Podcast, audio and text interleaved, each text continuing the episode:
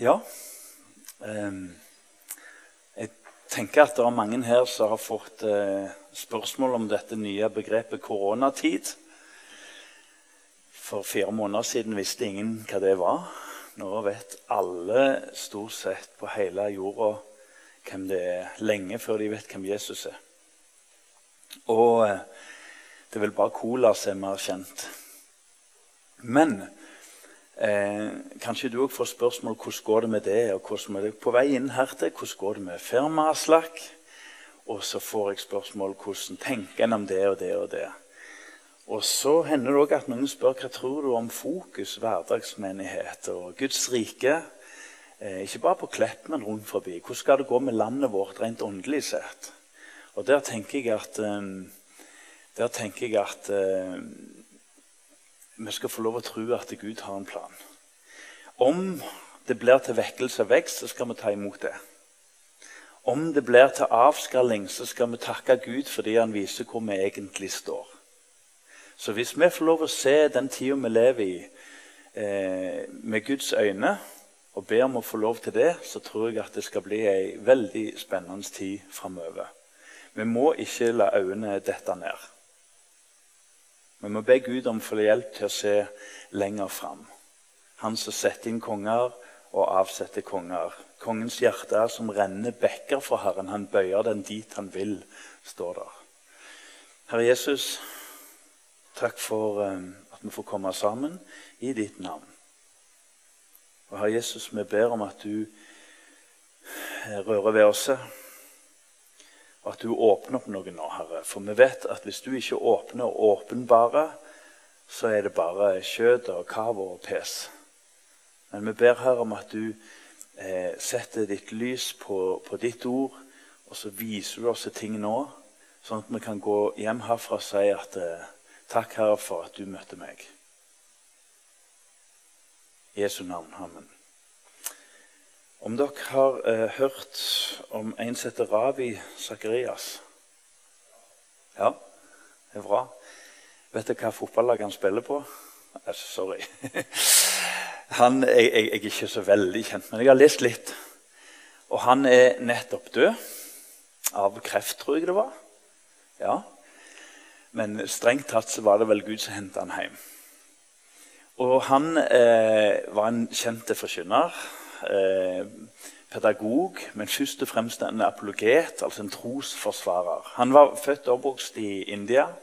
Og jeg tror omkring 20 år det er, Nå gjengir jeg en som heter Timothy Keller, som skrev en av mange minneord. Han var født og oppvokst i India. Rundt 20 år så drar de til England. Og Der vokser han opp i et litt sånn hjem med alt og ingenting. Litt fra India og litt fra det profane eller varslige London. Og så eh, mener jeg at eh, denne tomheten som han kjente på fra den familien han vokste opp i, som han sikkert ellers var glad i, sto det ingenting om. Den eh, drev han inn i en vanskelig situasjon så han faktisk forsøkte å ta livet sitt. På sykehuset fortelles det at eh, en kar kommer bort til han, og så siterer han 'Fordi jeg lever, skal du leve'. Fordi Jesus lever, skal du leve. Nærmest profetisk taler han inn i den fortvilte, hjelpeløse, meningsløse verden som han befant seg i. Og han var kommet til den absolutte bånd. Fordi jeg lever, skal du leve. Den dagen startet en spirituell vekst som ikke bare stoppet med en åndelig erfaring som kan varme et hvilken som helst hjerte, men det ble til et kraftfullt liv. Et liv i full hengivelse. En ressurssterk mann som kunne gjort hva som helst i livet. Men han ga seg til Guds rike. Han talte til 50 og 40 og 10 000 og 60 000 studenter både her og der. Og midt i ei, sekulær tid som tenker at alt er likt og gjør som du vil, så, så, så kommer denne mannen inn, og så, og så får han mennesker til å se en sånn linje den veien som gir mening den veien. Han eh, var en av de fremste til å påpeke hvordan sekularismen, altså det at alt blir flatt, og det hellige er ikke hellig lenger, og alt er like godt har påvirka oss kristne. Derfor har jeg eh, fulgt litt med på det han skriver og argumenterer for. Mye annet òg, men litt av det. Og så snakker både han og Timothy Keller om God in a doggy bag. Eh, vi har sikkert vært og kjøpt mat en eller annen plass, og så spør de og Det er vel ikke sånn veldig norsk fenomen, er det det? Eh, så får vi den der eh, merkelige bagen med reklamen på, og så går du ut med resten av restauranten. Sikkert noen miljøgreier. Jeg vet ikke. Så går du hjem med den, og så har du i beste fall restene av et måltid. Vi heter Fokus hverdagsmenighet her på huset, en del av det arbeidet. Fokus hverdagsmenighet. Og Litt av visjonen når vi starta Fokus, var at eh, vi skulle få hjelp til å fokusere på det som var viktigst blant alle de viktige tingene. Guds rike, og at det skulle komme nært. Ikke bare her, men helt forgreint inn i våre familier, inn i våre heimer. Og um, Resultatet for mange kristne er at livet i den vestlige verden blir i beste fall en gud i doggybag. Kanskje jeg tar en litt med. Men visjonen var i hvert fall med å kalle det hverdagsmenighet. At du og jeg skulle få hjelp og utrustning av hverandre, av undervisning, av sakramenter, av fellesskapet. Få hjelp til å leve tydelig, først for våre egne, og så ut helt til verdens ende. Ser vi det skje? Det er mitt spørsmål. Nå har vi fått vært i lag noen år, og det er mye annet enn Fokus hverdagsmenighet. Vi må ikke få tunnelsyn. Men ser vi det skje? Um, I Markus kapittel 10, ja, kapittel 1, mener jeg, og vers 14 og 15, så står det at etter Johannes var blitt fengsla, kom Jesus til Galilea og forkynte Guds evangelium og sa:" Tiden er inne. Guds rike er kommet nær, vend om og tru på evangeliet. Han eh, Ravi fikk en spirituell start i ei sykehusseng som ble en sterk omvendelse til han. Og Det ordet som er brukt på gresk her i Markus 1, 14 og 15. For omvendelse det har to meninger på, på gresk. Eh, vær grei nå. Eh, det ene går på meta. Det er en ny tanke. Det var ikke bare en spirituell ånd, en sterk opplevelse, men det festa seg i tankelivet. Ta tanken til fange, snakker Paulus. Tru med din forstand. Det ga et helt nytt mindset. Spennende. Helt ny måte å tenke om seg sjøl og om verden på. Dernest så ble det et helt nytt liv. Så omvendelse, sånn som Jesus taler om her, når helten Johannes er endt i fengsel, og denne tømmermannssønnen står foran dem det er en omvendelse som snur et nytt tankesinn, og som gir et helt nytt liv å leve. Fokus hverdagsmenighet. Jeg tror, og vi tror, at det er sunt for oss nå til høsten og til våren Edvin, så skal vi bruke ett år på bergprekenen. Fordi vi ønsker å lære av de første kristne. Håkon Hodne, som er i styret hos oss, han hadde en innledning på årsmøtet som greip meg. Jeg tror han har henta det fra ei bok her fra Oskar Skarsaune, som jeg anbefaler. Eh, der, der, der, det snakkes litt om at eh, de første kristne de levde, levde som Edvin sier, med, med, med, med rett og slett bergprekenen som grunnundervisning før du ble døpt. For det er egentlig ei disippelbok, ei håndbok i disippelgjøring. Og så begynner konger og fyrster å blande seg inn med gode og mindre gode motiver. Og så strammes det inn til de ti bud. Og så får du egentlig en litt mekanisk og en litt loviske eh, evangelisering i land. Men igjen og igjen så kommer evangeliet med kraft nedenfra. For Gud reiser opp sine. Og gjerne starter det bare med én i ei sykeseng. Det starter veldig svakt med ei dame som skriver en sang. Så ikke kan hun se, og hvor mye kan hun da? Men så ser hun jo mer enn noen andre. Og så kommer disse sterke vekkelsene. Tenk om fokus blir en menighet som ikke skiller seg ut i livet. Eh, Ravi snakker litt om hvordan egentlig bare på få tiår at eh, oppfattelsen av Gud blir viska vekk. Når jeg gikk på skolen, så sang vi 'Måne og sol' sto på siden av benken pulten, og innleda dagen med måne og sol. Jeg aleine? Ja, det viser hvor gamle vi er. Ja. Du må gjøre det veldig sånn. Så sier han at eh,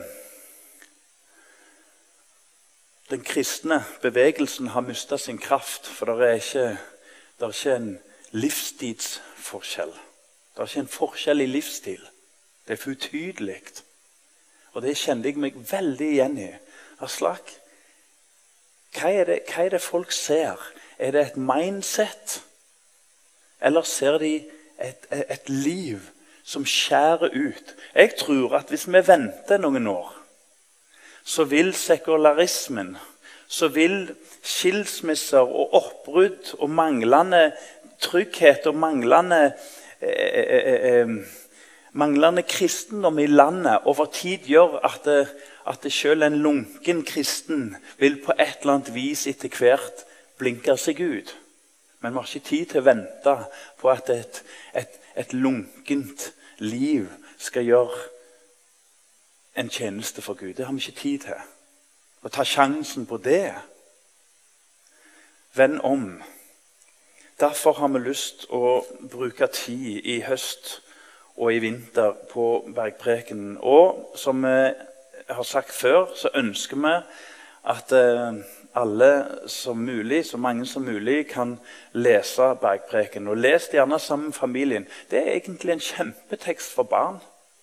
Det er ikke noe metafysisk og metaforisk. Det er bare smukk rett inn i hverdagen.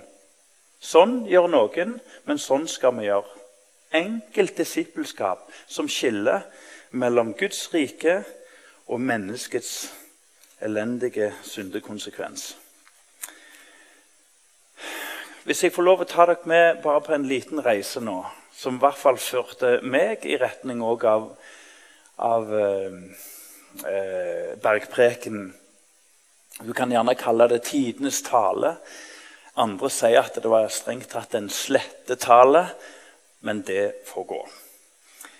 Eh, hvis dere blir med meg bitte litt i høytiden som har vært eh, nå i det siste eh, Høytider har vi for å minne hverandre. Og jeg gjentar bedehuset har eh, radert høytidene lenge nok nå. Når påske kommer, så forsvinner vi fra dette huset. Har gjort lenge. Når pinse kommer, så følger vi med på, på dødsstatistikken langs riksveiene. Møter der er vi ikke. Fellesskap der er vi ikke. Vi må gjenvinne fordi vi skal minnes. Og hva var det som skjedde i pinsen nå, som var nettopp? Fra apostelgjerningene 1. Lukas beskriver det veldig tydelig at det kom tunger over dem, ild over dem, og de begynte å tale. Og alle disse folkeslagene hørte det, så sier de ja, men ikke disse galileere. Alle sammen. De er jo galileere. Men de forstår det, og de forstår det, for det kommer jo masse jøder til byen. De forsto det hele gjengen. Og de var slått av undring. Og så var det to utfall av pinsedagen. Det var de som sa at de er fulle av søt vin. Og så var det de som, som sa hallusinasjon. Og så var det de som hadde en annen H og sa halleluja. Så ånden skilte flokken i to, i hvert fall i begynnelsen. Full av vin og Halleluja. Guds rike er nær. Og Peter starter jo talelsen rett etterpå. Jeg tror han begynner vel i senere i kapittel 2. Så svarer han de gode folk, sier han, de er ikke fulle, sier han. De fleste i Norge i dag, mange i hvert fall i Norge i dag, heller mot at eh, kristendommen er ei krykke. Så både livsstilsmessig så er det kanskje ikke så synlig kristendom etter hvert som staten overtar det diakonale. Og vi kristne har ikke så mye å utmerke seg der. Samtidig som til og med mentalt, altså eh, tankemessig, så blir det sett på som sikkert godt å ha i trengselstider, i beste fall, men egentlig et eventyr. Så kommer Ånden inn. Og Åndens første gjerning, hva er det, som en sier i teologien? Hva er Åndens første gjerning? Det er ikke mye fest, altså. Det er jo å peke på synd. Eh, av og til så snakker vi med arbeidskollegaer og familievenner. Og ikke rent sjelden så snakker vi med oss sjøl der vi oppdager at dette var ikke helt sant. Har du møtt mennesker som du tenker det er mye livsløgn i ditt liv? Det var ikke helt sant, det du sa nå. Vridde du ikke litt på det nå? Går du ikke litt inn og ut av ting hele veien? Og så kommer Ånden og Det første Ånden gjør, er ikke nødvendigvis å lage hallelujastemning og god dialog. Det er ofte å slå oss mennesker til jorda. Tenk på Paulus. Katastrofalt møte. Tenk på kvinnen ved Sykersbrønn. Du har fem, menn, den du har nå, er ikke din. Det er jo katastrofe. Tenk på Moses. Kommer foran ilden der. Han har akkurat slått i hjel en egypter. For en innledning til en tjeneste. Tenk på Josef, svikt av sine. Bitter kunne han være. Hele familien, brødrene. Heiv han i en brønn, tar han opp igjen og finner ut filler òg. Vi kan jo gjøre litt penger på han òg. Det er katastrofe. Hvordan Guds rike starter innledningen til mennesker. Men i vårt samfunn så danner vi et halvt pedagogisk, halvt psykisk, halvt av ingenting bilde av at et møte med Jesus er så fantastisk. Og så lyver vi til oss sjøl, og så lyver vi til hverandre. For åndens første gjerning er å peke på synd. For den vil ikke ha halvt om halvt. Gud går for herliggjørelse i våre liv. Han går ikke for en kvasi-imøtegåelse med at vi demper litt på synden og så lufter vi litt på Guds rike. Nei, han vil rense. Så åndens første gjerning er strengt tatt ikke å peke på synden for synden, men den er til å drive oss til, til Guds herlige og fullkomne renselse. Tenk på dommedag. Det går ikke an å snakke om dommedag i dag. Nevner du dommedag, så er du jo helt ferdig. Men dommedag er jo egentlig gjenopprettelse av Guds rike. Av rettferdighet, er det ikke? Så det vi knapt tør snakke med hverandre om. Og hvis jeg nevner ene tid, så får jeg 100 råd om hva du ikke skal si. 100 pedagogiske eh, innfallsvinkler. Ikke sånn og ikke sånn og ikke sånn som han sa det. Men dommedag, gode venner, er gjenopprettelse av Guds rettferdighet. Det er en dag mennesket egentlig burde lengte etter. Har du hørt om han som ikke vil ha bilbelte på seg. Det var i USA, selvfølgelig. Og så eh, var en svoger til en, en forkynner, som jeg leste om. Og så En dag på morgenen så plutselig så er det på med belte før han stapper i nøkkelen. Og Så spør han her, han, svogeren da, hva, hva er det som har skjedd. Jo, en kollega hadde krasja, og de tok 160-70 glassblinter ut av hele kroppen av han, og masse plastiske operasjoner etterpå. Ja, men du visste jo det på forhånd. Ja, men nå har jeg erfart det. Mennesker vet. I Norge sier jo folk ja, eh, ingen er perfekte. Jeg har ikke møtt noen som sier at eh, jeg er bedre enn andre. Sånn direkte. Men Helligånden gjør noe helt annet. Den ikke bare viser oss det vi vet, men den gir en dyp erfaring av den hellige Gud og den vanhellige kursen vi som mennesker har. Så kommer Åndens andre gjerning. Hva er det? Det er den største gjerningen. Første gjerningen er jo å vise hvem vi er. Åndens største gjerning er å lufte blikket og se på Jesus. Tenk på Nikodemus. Kommer der, vis, respektert, god mann, åpen, søkende. Han skiller seg ut fra fariseere, senere og hele gjengen. Og så er han en åpen, men vis mann. Så kommer han til Jesus, og så forstår han ingenting. Og så ser han født på ny skal jeg inn i mammas liv. Det går ikke. Litt sånn retorisk. Det går jo ikke. Og så, ved Den hellige ånd, så taler Jesus inn i hans liv. Og så ser han 'luft blikket og se på slangen'. Luft blikket og se på slangen. Bergprekenen er egentlig en livsstil som lufter andre mennesker blikk på Han som frelser. Jeg har ikke en tanke om at du, hvis du lever sånn og sånn, og sånn, så blir andre mennesker frelst. Det er en annen ting. Men bergprekenen er et liv som er evangeliet verdig, står der. Men åndens største gjerning den løfter blikket, og så ser vi på Jesus. Og, og I Bibelen så har du for det engelske ordet 'glory', eller 'herliggjort', eller 'glorifisert'. Ånden setter lys på Jesus, og 'glory' har jeg lest at betyr egentlig viktigst. Så vi er samla i dag for å minne hverandre om at Den hellige ånd driver blikket vårt til å se på Han som egentlig alt handler om. Eh, lys er spennende.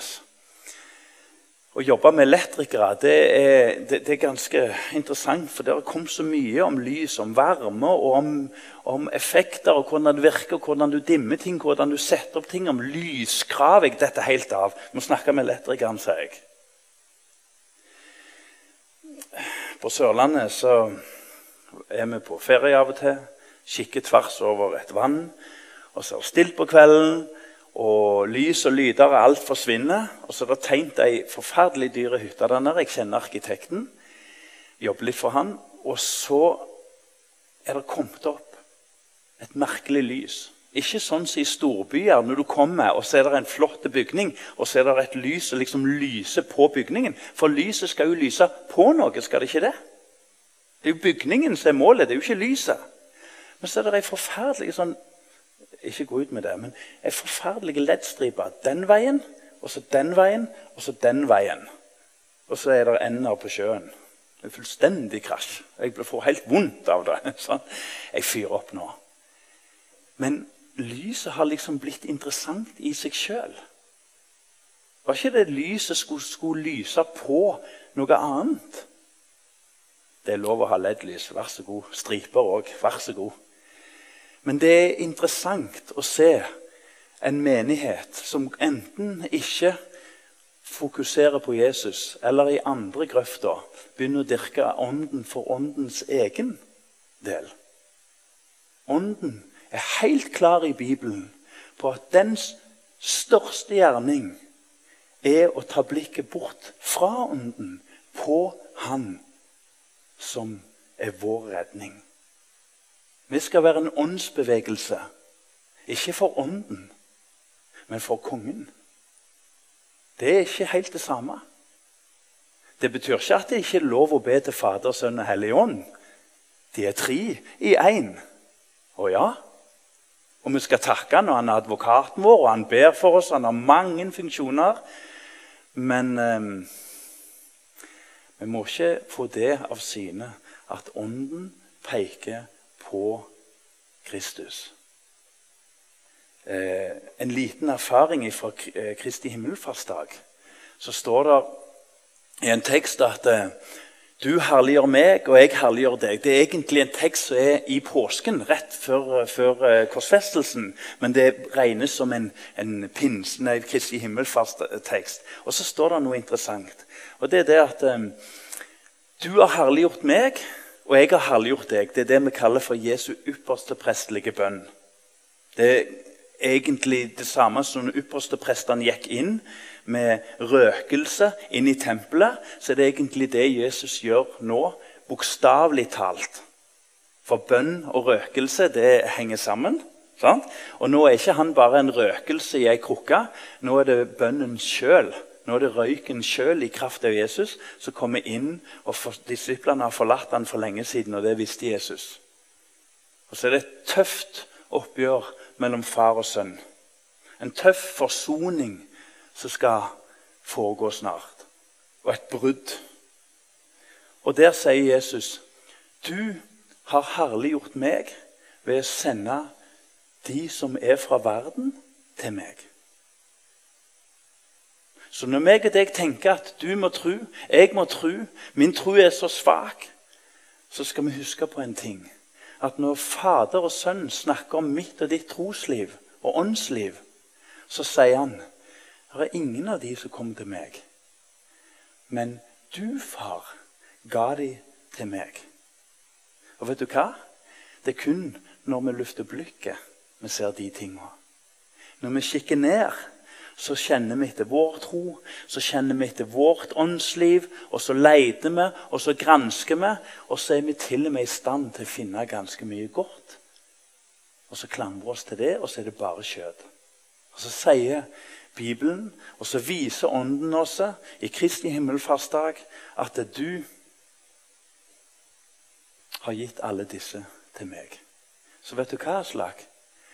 Ja, du har tatt imot Jesus, men det var Faderen som sto bak det òg. Det var han som sendte meg og kalte meg til sin sønn.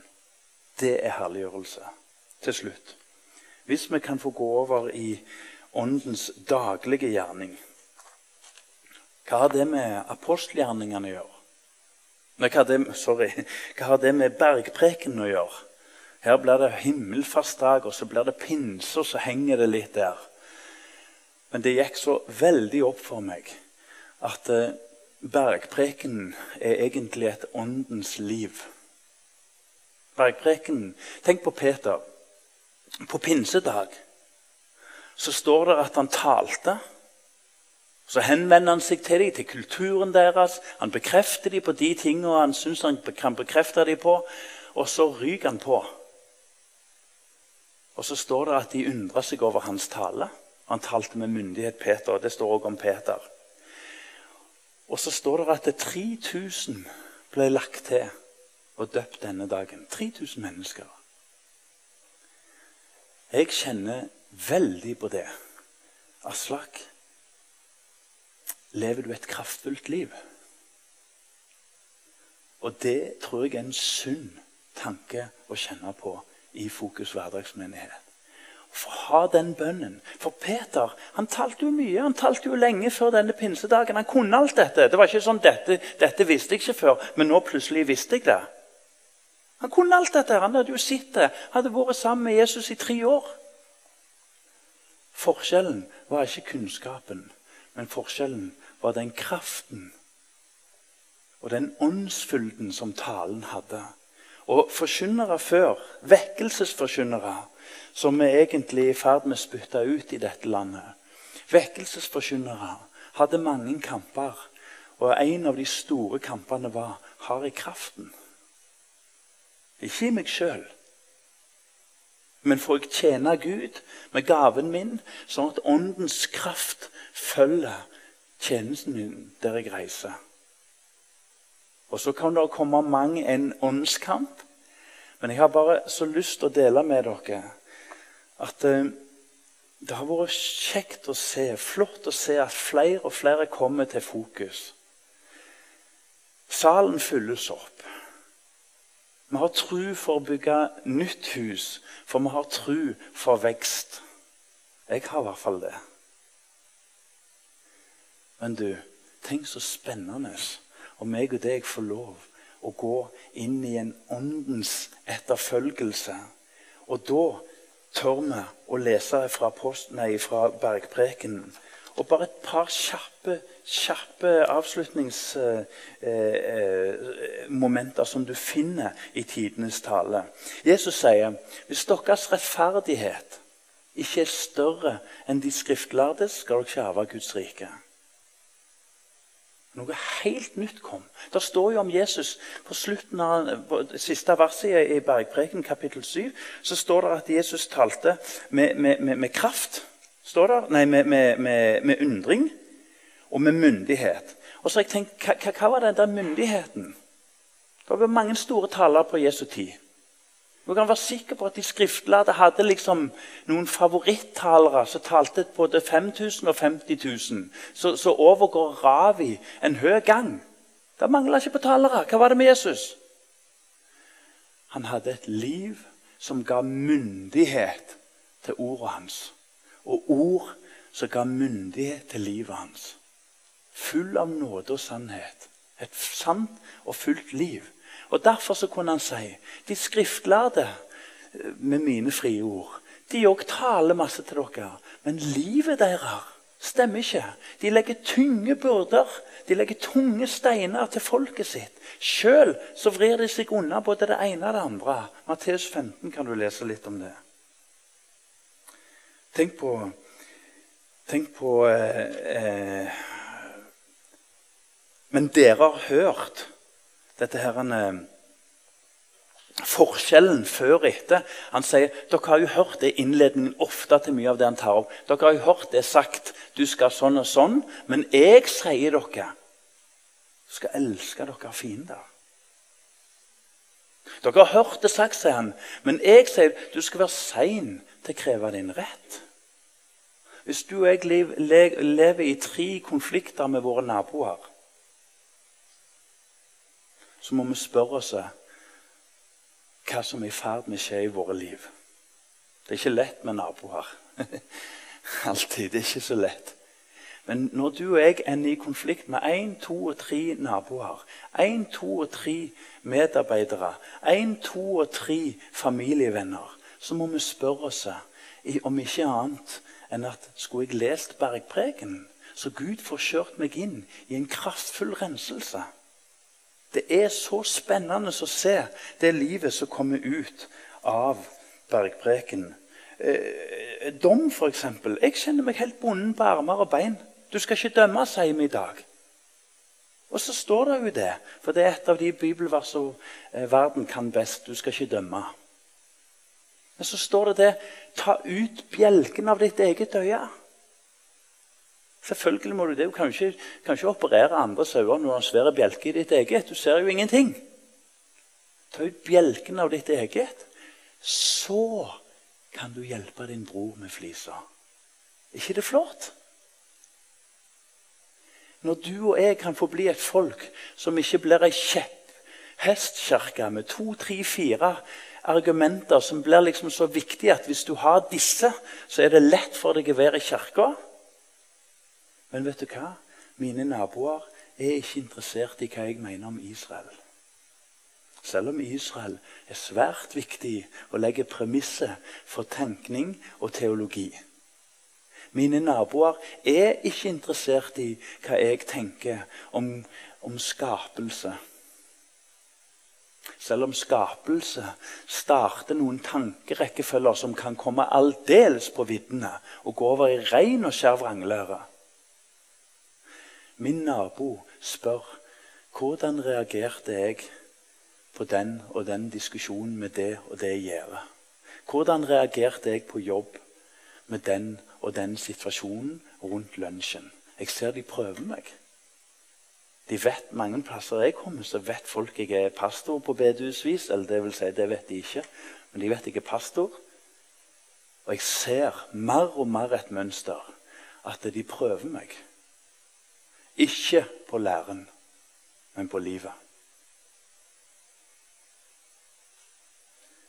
Nå får dere prøve ordet og forkynnelsen. For vi er fort over i lovtrelldom her. Det er en veldig skarp linje mellom at vi er over i lovtrelldom. Men jeg tror vi har gått mest den andre veien.